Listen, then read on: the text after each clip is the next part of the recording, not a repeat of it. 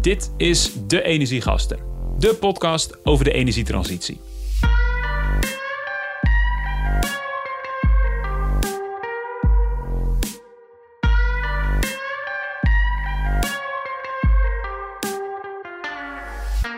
Welkom, mijn naam is Peter Melis en tof dat je deze nieuwe episode weer aan hebt gezet.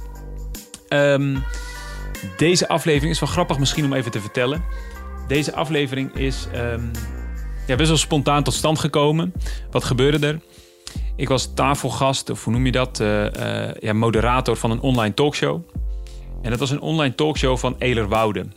Dat is een bedrijf waar ik wel vaker uh, opdrachten voor heb gedaan. En zij, zij zijn heel erg bezig met natuur inclusief.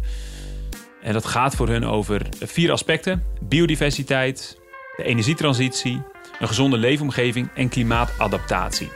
Zij adviseren dan verschillende grondbezitters, zoals gemeentes, landgoedeigenaren, om dat op een goede manier vorm te geven, op een steeds natuurinclusievere manier. In die talkshow gingen we allerlei voorbeelden langs wat je natuurinclusief kan doen. Allemaal concrete voorbeelden uit de praktijk. Bijvoorbeeld baggeren, hoe je baggeren natuurinclusief kan doen. Hoe je een nieuwe uh, woning, uh, een nieuwe wijk natuurinclusief kunt aanleggen. En op den duur zaten er ook twee experts aan tafel, waarbij het ging over zonneparken op een natuurinclusieve manier ontwerpen, onderhouden, beheren.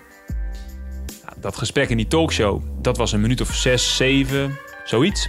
En in het gesprek merkte ik al, oh, ik wil eigenlijk veel meer vragen. Kunnen we hier niet toch langer bij stilstaan? In die talkshow, ik, ik had ook als taak om me aan de tijd te houden, dus, dus dat, dat, kon niet. Uh, ik weet nog dat, dat ook de, uh, de regisseur die erbij zat, die zat ook achterin. Uh, Harry heet hij, Harry Kiekenbos. Uh, die zat achterin. Ja, we moeten door, we moeten door. Nou ja, uiteindelijk moesten we ook echt door. Maar gelukkig konden we na die tijd ook echt de diepte nog in. Omdat we dus in diezelfde ruimte na de talkshow nog een podcast hebben opgenomen. Super blij mee. Um, dat resultaat kan ik dus vandaag met je delen. Um, en dat gaat dus specifiek over zonneparken en hoe je die op een natuurinclusieve manier kan aanleggen en beheren. Het gaat bijvoorbeeld over bodemkwaliteit, maar ook over de biodiversiteit rondom een zonnepark. Ik hoop dat je ervan gaat genieten. Uh, ik was in ieder geval heel erg verrast door dit onderwerp. Um, omdat het, wat ik heel interessant vind, is dat er nog wel eens gezegd wordt dat het inleveren van landbouwgrond ontzettend dom is om te doen uh, om daar zonnepanelen op te zetten. Maar wat nou als je je realiseert dat traditionele landbouw vaak helemaal niet zo goed is voor, het, voor de natuur? Als jij een, een, een weiland ziet met alleen maar raaigras, alleen maar één type gras, uh, uh, wat intensief gebruikt wordt, ja, hoe biodivers is dat? Dus wat nou als je het zonnepark wat daarvoor in de plaats komt op een goede manier ontwerpt, kun je er dan niet voor zorgen dat de biodiversiteit van dat stukje grond juist omhoog gaat in die periode dat er zonnepanelen op staan? Ik ben in deze podcast erachter gekomen dat dat kan, mits je echt wel een paar dingen goed regelt. Ik hoop dat jij deze podcast leerzaam vindt um, en dat je ervan gaat genieten. Veel dank aan de sponsor van deze podcast, dat is Hiemstra en de Vries. Een adviesbureau voor publieke vraagstukken. Denk aan gemeentes, uh, semi-overheden die met bijvoorbeeld de uitdaging van klimaatverandering zitten. Daar helpt Hiemstra en de Vries hen bij. Check de site hiemstraendevries.nl en heel veel dank dat zij deze podcast sponsoren. We gaan beginnen.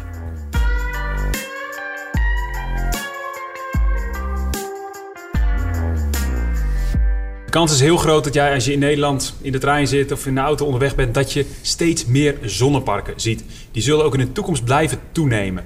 Hoe zorg je nou dat die zonneparken op een goede, natuurinclusieve manier ontwikkeld worden en beheerd?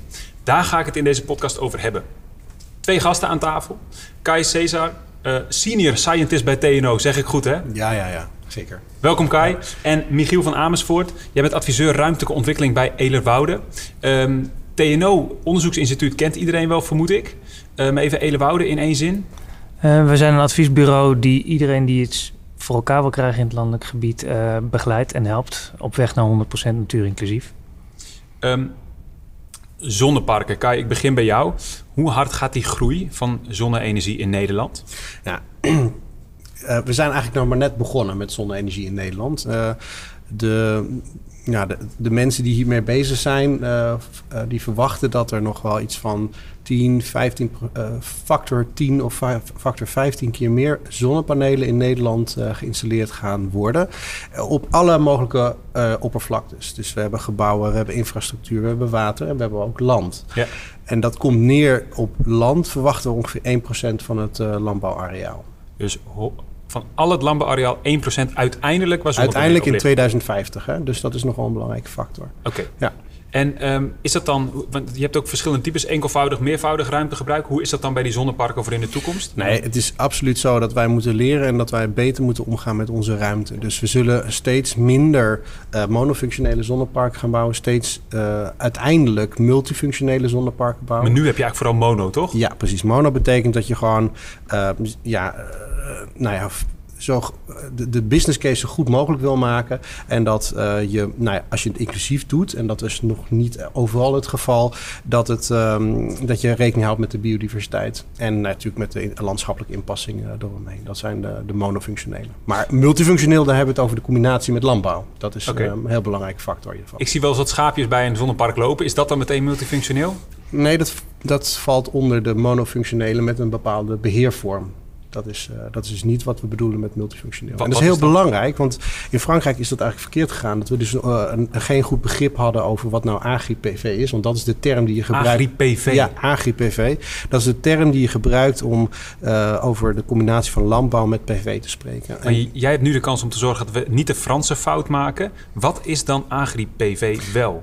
Nou, uh, door hele goede afspraken met elkaar te maken wat dat betekent. En dan een van de factoren die dan belangrijk is om de, de productie die je voor installatie van de PV op landbouwgrond hebt gehad, dat je, dat je daar afspraken over maakt per teelt, wat, wat we minimaal in stand willen houden. Omdat je uiteindelijk altijd een soort combinatie hebt. Je hebt maar één uh, zon en dat licht dat moet je of op de zonnepanelen laten um, indalen of uh, in de planten in de fotosynthese. Dus dat is die balans dat is echt de crux. Die fotonen kunnen maar één keer opgevangen ja, worden. Precies, ja, ja, precies. Ja. Je kunt maar één keer omzetten in stroom of in, in biomassa eigenlijk.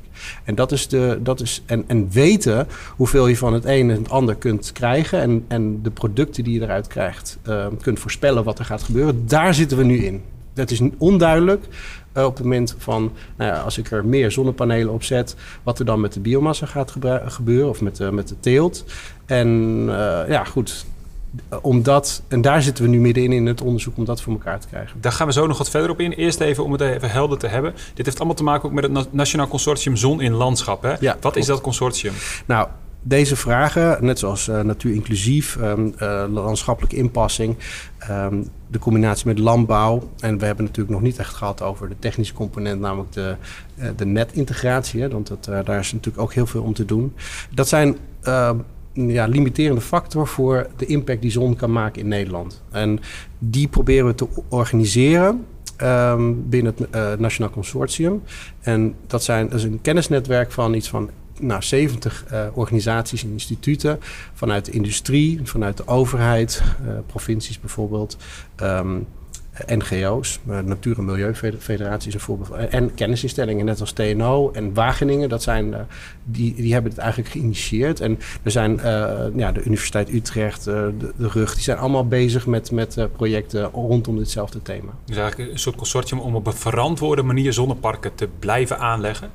Nee, het is een consortium voor innovatie en onderzoek. Dus het okay. gaat er eigenlijk om dat wij de, uh, de dilemma's uh, identificeren, benoemen. Daar waar het met innovatie en onderzoek opgelost kan worden, gaan binnen dat consortium uh, vinden partners elkaar om een onderzoeksproject te starten. Daar krijg je dan meestal financiering vanuit de overheid. Dan, dan loopt dat één of twee jaar. En aan het einde hoop je dus dat probleem te hebben opgelost. En tussentijds informeer je elkaar van hoe, de, hoe het ervoor staat met, met de zaken. En uh, ja, dat doe je dus op al die thema's. En wat voor onderzoeksprojecten moet ik dan aan denken? Nou, bijvoorbeeld op biodiversiteit en natuurinclusiviteit hebben we echt twee nou, het zijn nog andere projecten, maar er zijn die van twee die ik hier noem. Dat is Eco-Certified solar, solar, Parks. Daar gaat het echt om, een, om in bestaande zonnepark 20 stuks uh, ecologisch onderzoek te doen naar, naar de bodem, de, de uh, insecten, de vogels, de vegetatie.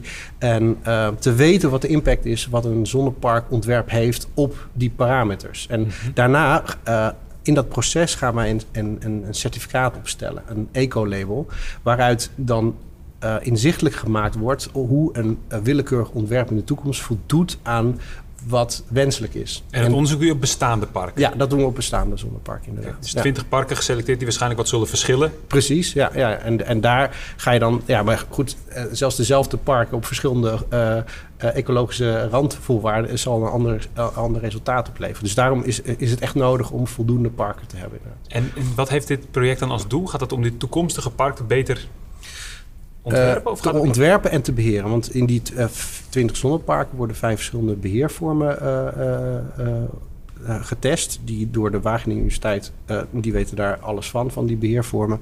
Um, uh, om daarna te kunnen spreken over van nou, dit, bij dit ontwerp op deze uh, gronden en uh, deze beheer, daar krijg je dit effect van. En in, die, in dat eco-label krijg je dan dus een, een soort ja, een ranking, een, een, een score ja. van hoe goed um, het ontwerp en het plan wat je hebt bij dat zonnepark, um, hoe goed dat scoort. En, en dat is bedoeld om de communicatie tussen projectontwikkelaars en en de overheid, de gemeente, in, uh, transparant te maken. En dat het op feiten gebaseerd is, op transparant, openbaar, publiek uh, uh, onderzoek. En, en, dat dat, um, en dat het niet een kwestie is van, nou, ik ben een groene ontwikkelaar. Nee, ik doe het goede voor de natuur. En dat is omdat we deze richtlijnen volgen. En Wat gaat er dan nu mis? Nou, dat uh, kan. Nou, kijk, we maken vaak nu wel een inrichtings- en beheerplan. Ja. En dat is uh, gebaseerd ook op, uh, um, op onze ervaring in niet-zonneparken. Hè, van in natuurontwikkeling of erfontwikkelingen, andere transities. Um, en je weet niet altijd zeker of het in een zonnepark net zo werkt. Van een van die experimenten is begrazing door schapen. Mm -hmm. uh, jij noemde het, hè, van schaapjes is dat dan een AGPV? Nou, vaak is beheer een van de componenten die getest gaat worden in dat uh, programma. Is hoe ga je beheren met schapen? Wij hebben een zonnepark ontwikkeld uh, als adviseur.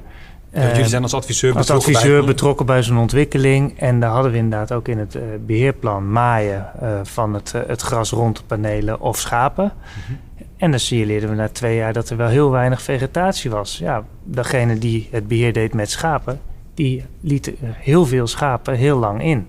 Ja, dat is zo'n ervaring waarvan je denkt van nou, dat kan beter. En het mooie is dat je zo'n onderzoeksprogramma dat ook echt kan monitoren op vegetatieontwikkeling, op voorkomen van insecten en vogels en zo. Ja. En dan kunnen wij dus ook weer leren in dat volgende project, of eigenlijk al als ik morgen in een nieuw project aan tafel zit, van nou kijk, beheer met schapen kan wel. Maar let op. Ja. Uh, en nou, ik was laatst op een avond en er kwam iemand die had het over een bepaalde manier van schapenhouderij. Die vanuit Amerika komt. Regeneratieve landbouw. Nou, kan dat ook? Ja, dat is iets waarvan ik dan denk van hé, hey, dat is wel interessant. Moeten we even checken van hoe werkt dat dan? En zit een soort van regeneratief begrazingsritme ook in dat, uh, uh, in het onderzoeksprogramma? Ja, dus dit is duidelijk geen onderzoek wat hier gedaan wordt waar je vier jaar moet wachten voordat je een keer in de praktijk iets kunt doen. Nou, kijk, uh, ja, wat ik net zei, je houdt elkaar op de hoogte van ja. de tussentijdse resultaten. Je komt elkaar uh, twee keer per jaar organiseren we een bijeenkomst. Dat, uh, dat kan een uitje zijn of dat kan symposia zijn, zoals we dat in het begin organiseerden. Of een talkshow, zoals nou ja, goed, in deze setting. Um, en dan, dan vertel je elkaar al welke, wat de trends zijn. Dus dat, dat, dat maakt het. De lijntjes worden ontzettend kort, kort doordat je samenwerkt en dat je elkaar tegenkomt in die, in die bijeenkomsten. Dus Onderzoekers dat, ja. hebben maar wel geleerd van één waarneming is geen waarneming. Zo hè? Dus uh, ja. als het dit jaar goed gaat, dan betekent niet dat dat de optimale vorm is om het de volgende keer weer te doen. Dus ja. het, maar, maar ja, dat is ook het spanningsveld, denk ik. Van aan de ene kant moeten we gisteren begonnen zijn met die energietransitie. En aan de andere kant, hij is nog niet klaar. Uh, ja, waar... waar uh, dus je moet eigenlijk met de kennis van morgen... Nou, volgens mij zeiden de, de, zeiden, zeiden de ministers dat in de coronapandemie ook. Van, ja, met de kennis van morgen de keuzes van nu. Ja. Even, even iets andere invalshoek. Um, nu, je had het over het landbouwareaal. Als ik nu zeg maar traditionele landbouw zou hebben. Stel je voor, ik zou boer zijn. Ik heb een, ik heb een perceel grond. Uh, en dat is nu... Ik heb daar koeien op staan, ik noem eens even wat. En, en daar zou ik een zonneweide van willen maken. Kun je dan zeggen dat, dat bijvoorbeeld de bodemkwaliteit hè, van die grond... dat die kan verbeteren als je daar een zonnepark van maakt? Uh, het is um, in algemene zin is het in ieder geval zo dat, dat biodiversiteit in zonnepark op landbouw, intensieve landbouw, uh, daar verwachten we dat we daar een, een, boost van krijgen. Dus dat is, dat is, uh, dat is wel de insteek. Op dus dat moment. biodiversiteit verbetert? Ja, dat is wel de verwachting. Maar dat heeft heel veel te maken met wat zeg maar, de, de, de huidige bestemming is ja. van het zonnepark. Volgens mij, kun je, volgens mij kun je ook niet zeggen de huidige landbouw. Hè? Van, je, hebt, ja. je hebt agrarisch gebied Waarbij uh, nou ja, bijvoorbeeld heel oud grasland, heel divers grasland met een hoge biodiversiteitswaarde. Mm -hmm. En je hebt ook grond waar jaar op jaar uh, hele intensieve gewassen geteeld worden. Aardappelen, suikerbieten of tulpen ook steeds vaker. Uh, nou ja, dan wordt de bodem eigenlijk ook gebruikt en misbruikt. Dan kun je afvragen of dat heel goed is voor de biodiversiteit. Ja. dus ook van AGIPV, we hebben voorafgaand aan dit gesprek hebben we ook al even een discussie gehad. Van, het gaat heel erg om van wat is je referentiekader? Als jouw hoogproductieve landbouwgrond je referentiekader is voor biodiversiteit of voor AGIPV, dan heb je het over iets heel anders dan een extensief grasland uh, van een natuurminded boer met hele hoge biodiversiteitswaarde. Absoluut. Ja, ja, van, en als je daar dan maar zonnepanelen gaat zetten... Als je een arm stuk hebt, zo'n intensieve uh, landbouw heb je gehad... en je maakt dan een zonneweide ervan... Dan kan je het verbeteren, zeg je? Nou ja, en vooral waar, waar de meerwaarde uh, te halen is, is denk ik niet precies waar die panelen staan. Maar er zijn heel veel. Als jij een blok hebt van 5, 6 hectare of 10, 20 hectare, dan is er heel veel restgrond.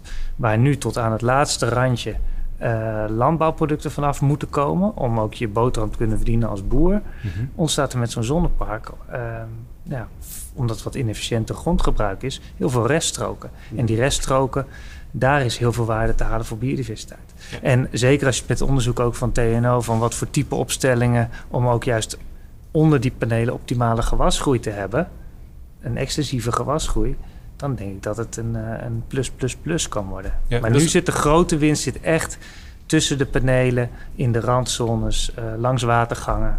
Ja, dat is voor de biodiversiteit. Voor de biodiversiteit, ja. ja. En, en jij noemt het dat, Michiel, jij noemt dat over de, over de, over de, ook, ook de, de, de opstelling van de panelen. Uh, daar hebben jullie vanuit TNO ook onderzoek naar gedaan. Wij zien ook dingen misgaan nu, toch? Nou ja, goed, wat je, wat je dus ziet is dat um, in 2017 uh, is er um, heel veel gedoe geweest rondom Oost-West opstellingen. Oost-West opstellingen zijn, um, nou ja, zijn panelen die als een soort dakje zeg maar, worden neergezet, die de ochtendzon en de avondzon kunnen volgen. En natuurlijk uh, midden op de dag um, natuurlijk ook uh, stroom leveren. Maar dat zijn panelen die vrij vlak liggen. Die zijn niet perfect georiënteerd op de, de zon om zoveel mogelijk opbrengst te hebben. Maar vooral om zoveel mogelijk uh, stroomopbrengst per areaal te realiseren. Mm -hmm. Niet maximaliseert. Het is altijd een vraag van de business case die maximaliseert. Maar het komt er gewoon op neer dat uiteindelijk door al die factoren mee te nemen, dat die panelen heel dicht op elkaar zijn. En dat er heel weinig licht op de, op de bodem komt.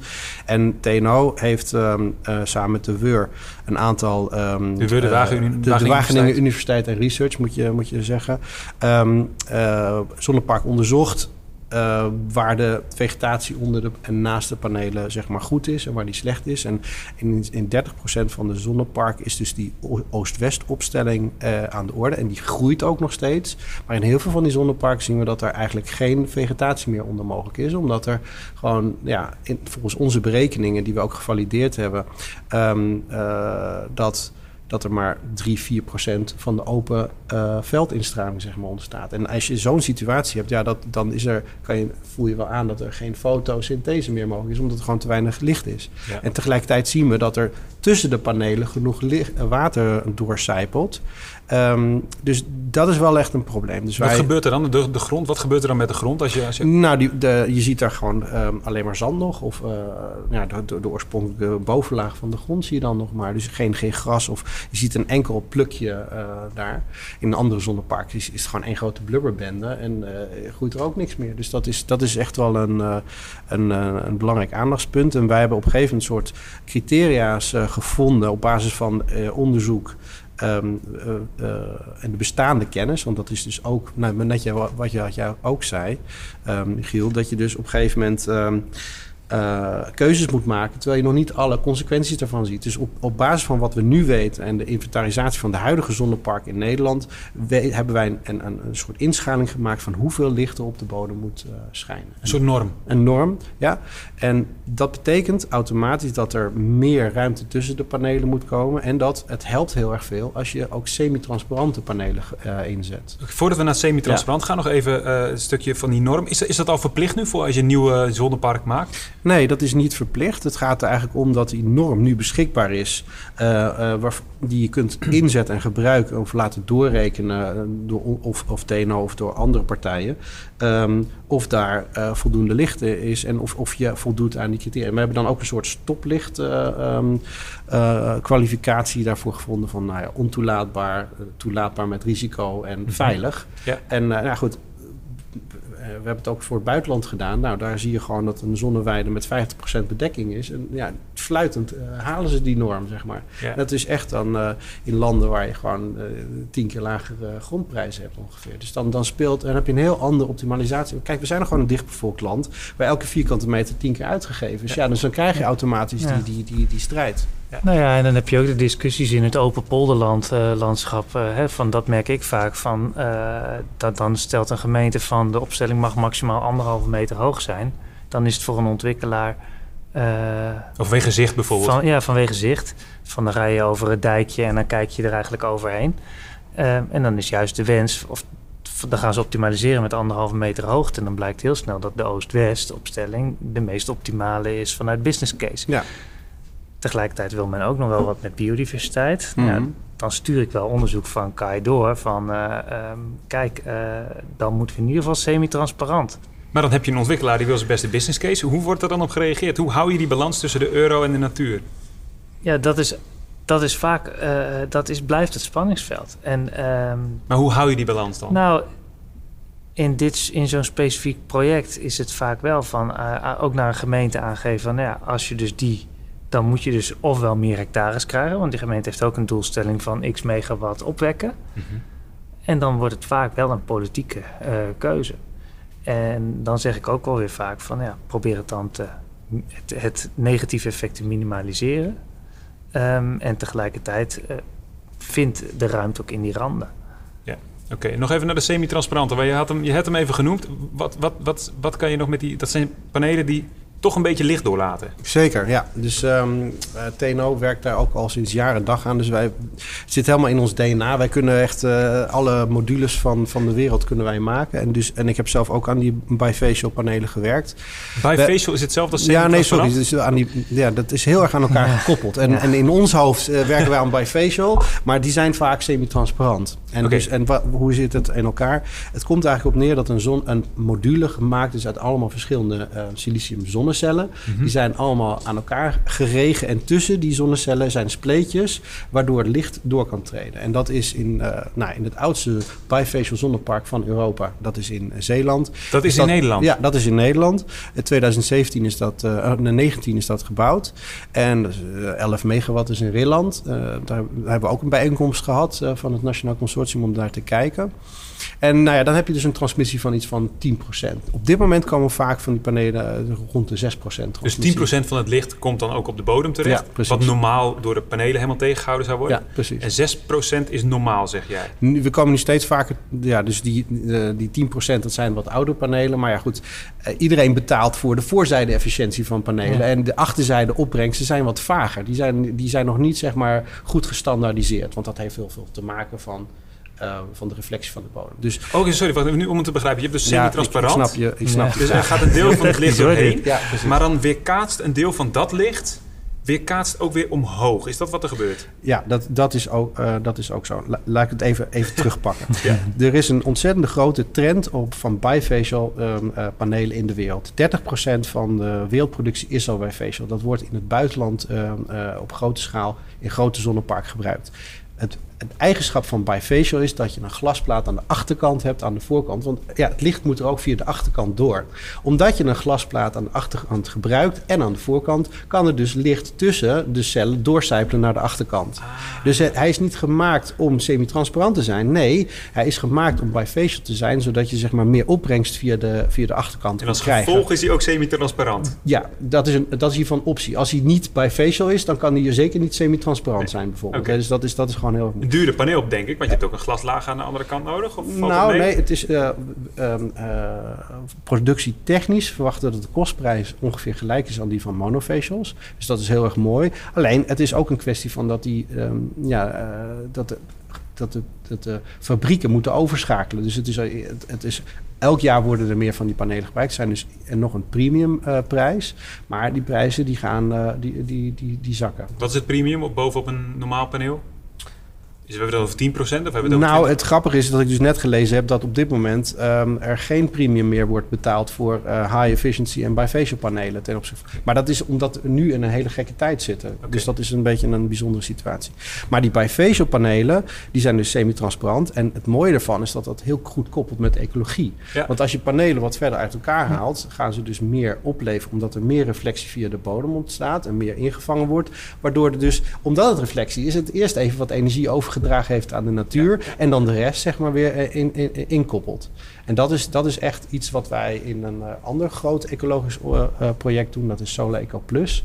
En daar gaan we dus alle inno- innovatieve configuraties van de nabije toekomst gaan we daar in zes testvelden van elk een 1 hectare onderzoeken in drie verschillende bodem, op drie verschillende bodemtypes. Wat het effect is. Precies, Ja. ja. Dus dan krijg je dus de balans tussen de bifacial extra opbrengst... om het bankable te maken. hè. Dus die, die achterzijde opbrengst echt goed mee te laten rekenen... in de, de projectfinanciering. Waardoor dus ook de rentes omlaag gaan en de risico... Het is altijd een verhaal tussen opbrengst en risico. En als er meer opbrengst is, nou, dat is altijd goed voor de business case. Gaan de rentes weer wat anders, wordt de stroomprijs wat lager. Ja. En tegelijkertijd help je de ecologie ermee. Het eerste project was in Zeeland, zeg je. Maar in Nederland is dat nu toch niet standaard? eh, voor Zeker de- niet, nee. Zie jij, Nee. Michiel, in andere projecten nu wel weer komen? Eh, weinig. Adviseer je het? Ehm, vaak wel. Eh, zeker in, eh, eh, naar, naar aanleiding van de recente eh, publicaties. Eh, maar dan niet horen, wij, dan horen wij ook vaak terug. Mensen willen het eigenlijk liever niet in de vergunning, omdat het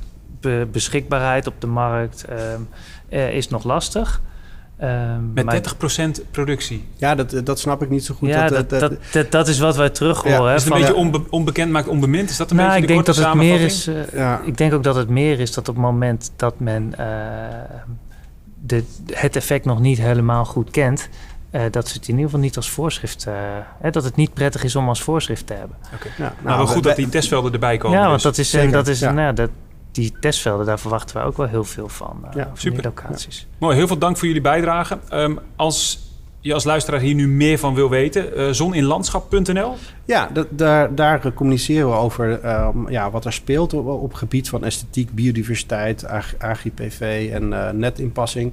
Eh, dus daar, daar vind je publicaties, daar kan je ook aanmelden om mee te doen met het eh, netwerk. Ehm, als, als je geïnteresseerd bent in innovatie en onderzoek, hè, dat, Ja. dat moet je wel even... Ja, je moet we zijn, wij zijn geen ondernemersconsortium die het volgende zonnepark gaan bouwen. Wij Nee, gaan ervoor zorgen... al. Ja, die, die, dat zijn andere, eh, andere partijen. Helemaal goed. Zoninlandschap.nl. eh ik zal het ook in de show notes erbij zetten. Helemaal goed. Veel dank voor jullie bijdrage. Michiel van Amersfoort en Kai Cesar. Dit was hem, deze aflevering van de Energiegasten. Ehm dankjewel voor het luisteren. Dank aan de sponsor Hiemstra en De Vries, adviesbureau voor publieke vraagstukken. Ehm, mocht je daar meer over willen weten, check dan vooral hiemstra en. Ze houden zich onder andere bezig om gemeentes, semi-overheden te adviseren over klimaatverandering. Dus wat mij betreft echt een perfecte sponsor voor deze podcast. Ehm, en nog als laatste even een hele grote shout-out voor jou als luisteraar. Dat je deze podcast luistert. En vooral ook, want ik merk de laatste tijd best wel veel reacties ook van luisteraars die tips geven over onderwerpen. Ik reageer echt niet altijd meteen de volgende dag, maar ik probeer altijd wel op die berichten te reageren. Ehm, en dat zijn dan vaak tips voor ja, een, een, een nieuw onderwerp, een idee voor een, eh, voor een mogelijke aflevering. Daar kunnen we niet altijd wat mee, maar soms wel. En soms komt er echt gewoon ook een nieuwe episode uit. Dus ehm, heel tof dat, eh, dat je die tips deelt en dat, dat je de moeite neemt om dat, eh, om dat te doen. Mocht je deze podcast verder op weg willen helpen, dan doe je dat vooral door een review achter te laten. Als je via Apple Podcast luistert, eh, dan kun je dat online doen. Eh, door een aantal sterren te geven, een korte review te schrijven. En daar help je het bereik van deze podcast enorm mee. Dus heel veel dank daarvoor als je die tijd even wil nemen. Zo, dan zit hij er nu echt op. Tot de volgende episode.